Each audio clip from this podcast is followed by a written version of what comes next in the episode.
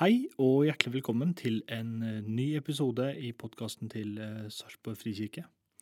I dag er det langfredag, og vi skal føre en eh, nydelig preken av Martin Lund. I tillegg så er det som vanlig husbandet vårt, bestående av Silje Svevum og meg, Kristian Ringen, som skal lede lovsang. I dag har vi også fått en gjest i studio. Magnus Ervum er hjemme på påskeferie og er med å spille litt gitar.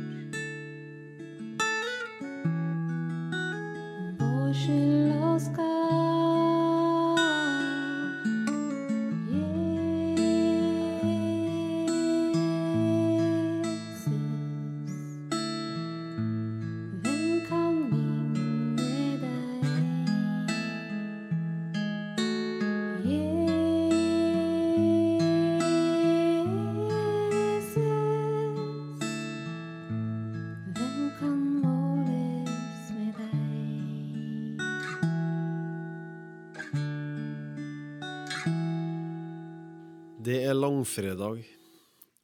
Vi skal lese sammen fra evangelisten Markus. På den dagen her vil jeg anbefale at du leser hele lidelseshistorien, f.eks. hos Markus kapittel 14 og 15 i sin helhet. Her nå så skal vi lese fra kapittel 15, fra vers 1 da, og til og med vers 39. Straks det ble morgen, og overprestene med de eldste og de skriftlærde, altså hele rådet, hadde holdt møte, bandt de Jesus, førte ham bort og overga ham til Pilatus. Pilatus spurte ham, Er du jødenes konge? Jesus svarte, Du sier det. Overprestene kom nå med mange anklager mot ham, og Pilatus spurte ham igjen, Svarer du ingenting? Du hører alt det de anklager deg for. Men Jesus svarte ikke et ord, og Pilatus undret seg. Hver høytid pleide Pilatus å gi en fange fri, den folket ba om. En som gikk under navnet Barabas, satt fengslet sammen med de opprørerne som hadde begått et drap under opprøret. Da mengden møtte opp og begynte å be Pilatus gjøre som han pleide, svarte han. Vil dere at jeg skal løslate jødenes konge? For han visste at det var av misunnelse overprestene hadde utlevert Jesus.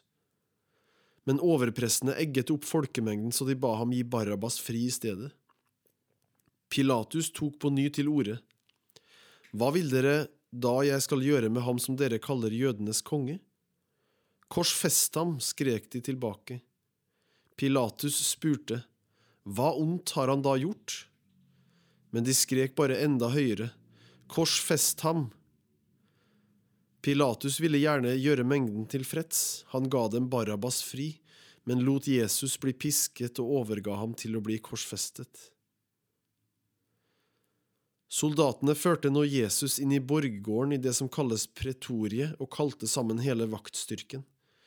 De kledde ham i en purpurkappe og flettet en tornekrone og satte den på hodet hans. Så begynte de å hilse ham. Vær hilset, du jødenes konge. De slo ham i hodet med en stokk, spyttet på ham og la seg på kne og hyllet ham. Da de hadde hånt ham, tok de purpurkappen av ham og kledde ham i hans egne klær. Så førte de Jesus ut for å korsfeste ham, og de tvang en mann som gikk forbi til å bære korset hans. Det var Simon fra Kyrene, far til Alexander og Rufus. Han var på vei inn fra markene. De førte Jesus ut til et sted som heter Golgata, det betyr hodeskallen. De ville gi ham vin med myrra i, men han tok ikke imot den.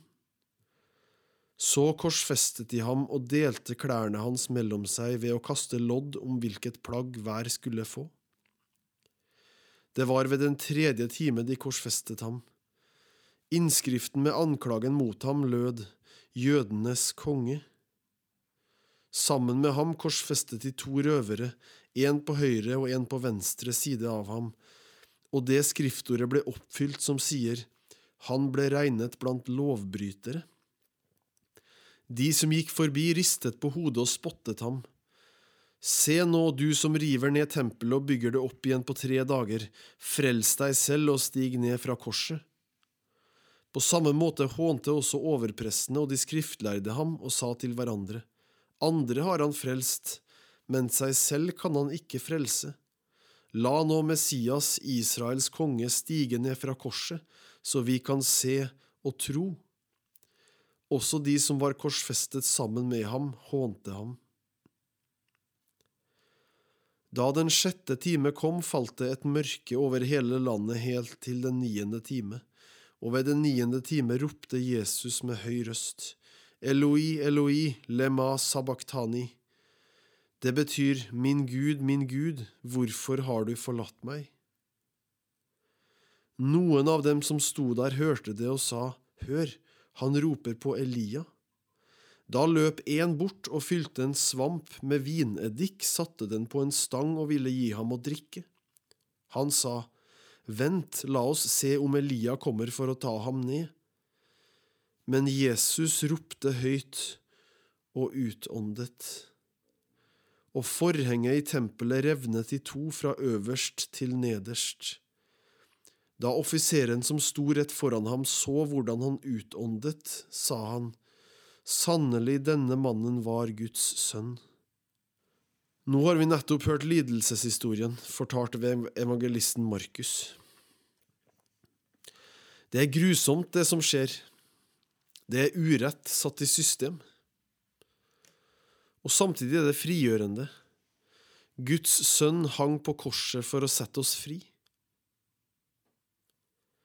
Langfredagen rommer så mye. Det er så mye av innholdet i Bibelen for øvrig som står og henger på hendelsene fra langfredag. Når Paulus bruker Jesu død på korset i sin argumentasjon, eller når hebreerbrevet snakker om Jesus som den store øverstepresten som bar fram offeret en gang for alle da han ofra seg sjøl for å gi oss evig frelse, eller når Jesus sjøl så skarpt tilbakeviste Peter som ville redde ham fra døden, det er så mye av den kristne tro og tradisjon som peker tilbake til langfredag. Av veldig mange ting så kunne vi bare nevne det mest sentrale symbolet vi har, nemlig korset. Langfredagen rommer så mye. Og så har jeg lurt på noen gang hva skal jeg tenke om, og hvordan skal jeg forholde meg til det som skjer den dagen her? For det er på en måte flere tråder her som kan synes å dra i ulik retning, kanskje til og med motstridende retning. På den ene sida så blir Jesus uskyldig dømt, han blir offer for et justismord, han som ikke gjorde noe galt mot noen, han som i ett og alt fulgte Guds bud, han blir dømt som om han var den verste forbryter. Her svikter jo alt og alle, hele apparatet rundt. Hvor er rettssikkerheten? Den er jo ingen steder. Lederne, ja, vi kan jo bare se til Pontius Pilatus, han ser ikke noe galt hos denne mannen, men han feiger ut, vil gjøre folket til lags, stikk i strid med hva en leder skal gjøre der han ser at noe er på helt gal kurs. Vi ser hvordan massesuggesjon virker. Noen har fått for seg at han skal tas. De utnytter urolig stemning i folket og får alle med seg i ropene og kravet om korsfestelse. Så urettferdig kan verden være. Slik tok verden imot Guds sønn. Slik sørga dem, eller skal vi si vi, for å gjøre en ende på hans liv og virke, uskyldig dømt. Og samtidig som Jesu skjebne ble besegla av folket som rukte korsfest, og lederne som veik unna, samtidig så var jo det her den veien han skulle gå. Fra han ble født, så gikk veien hit til korset. Han snakka om det med disiplene flere ganger, at han skulle lide og dø. Døperen Johannes identifiserer Jesus helt i begynnelsen av Johannesevangeliet som Guds lam som bærer bort verdens synd.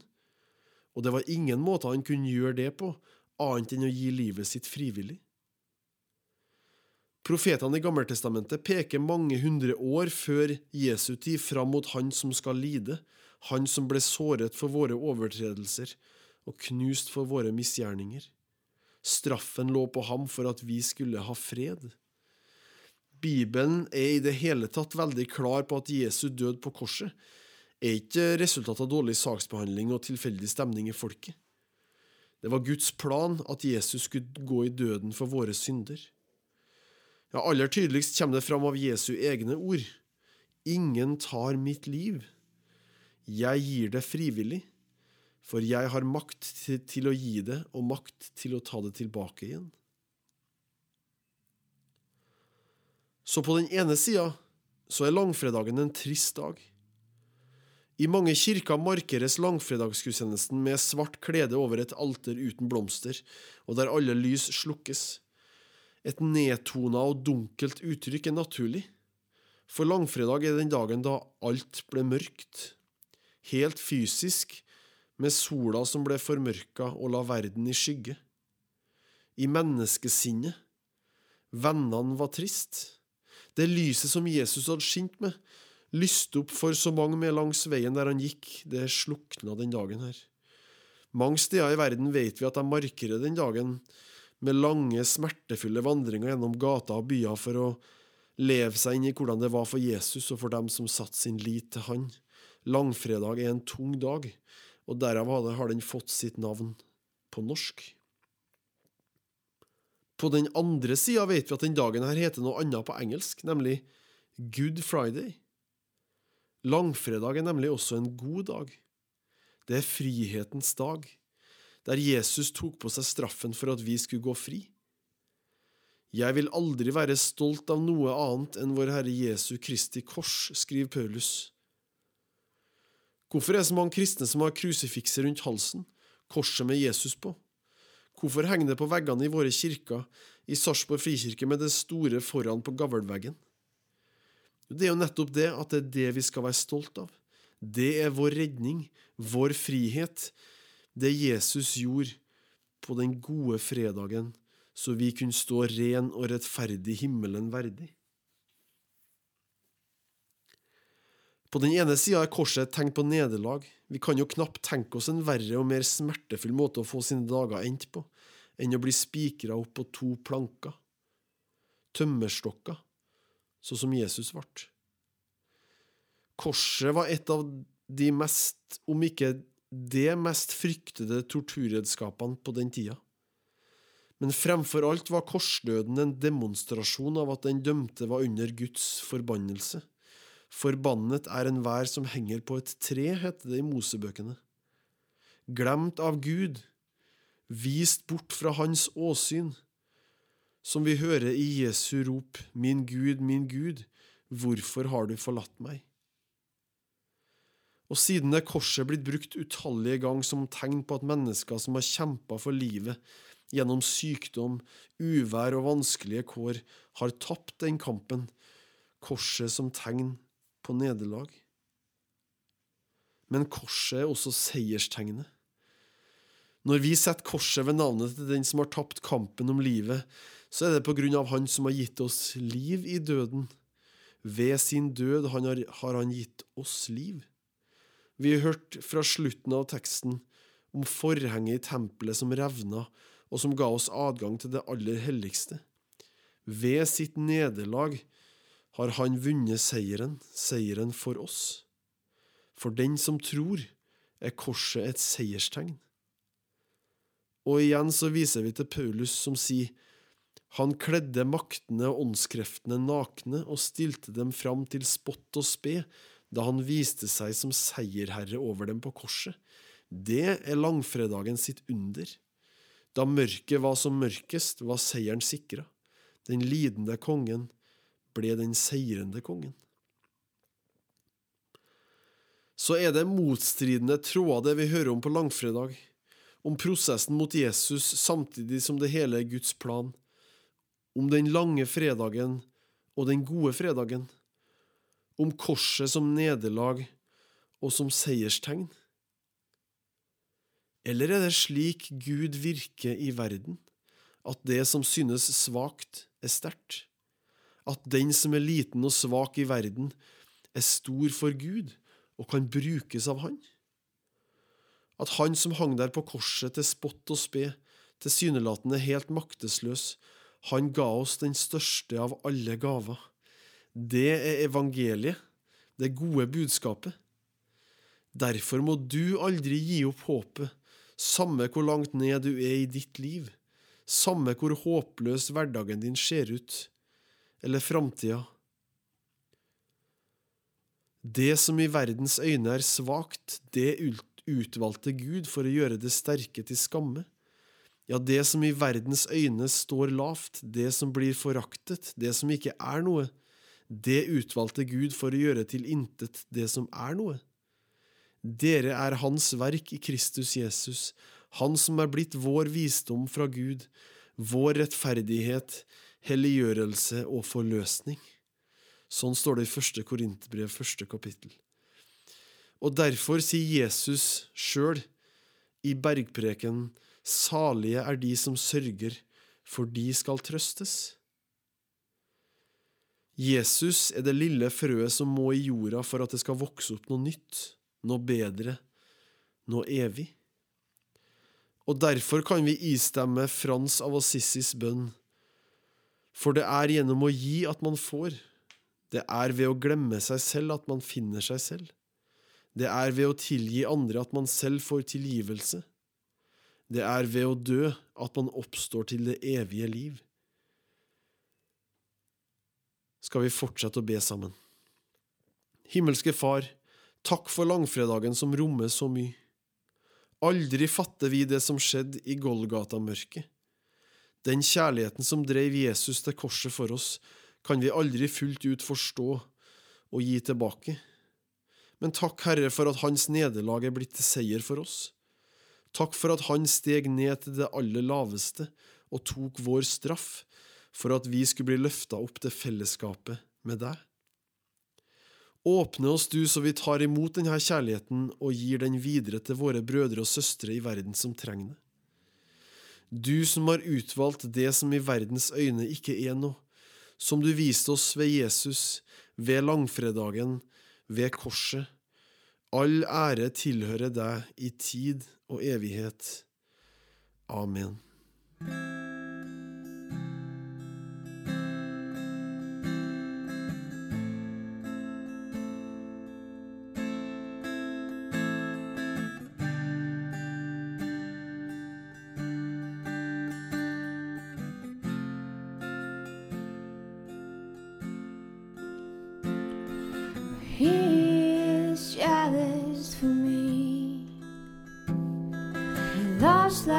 her.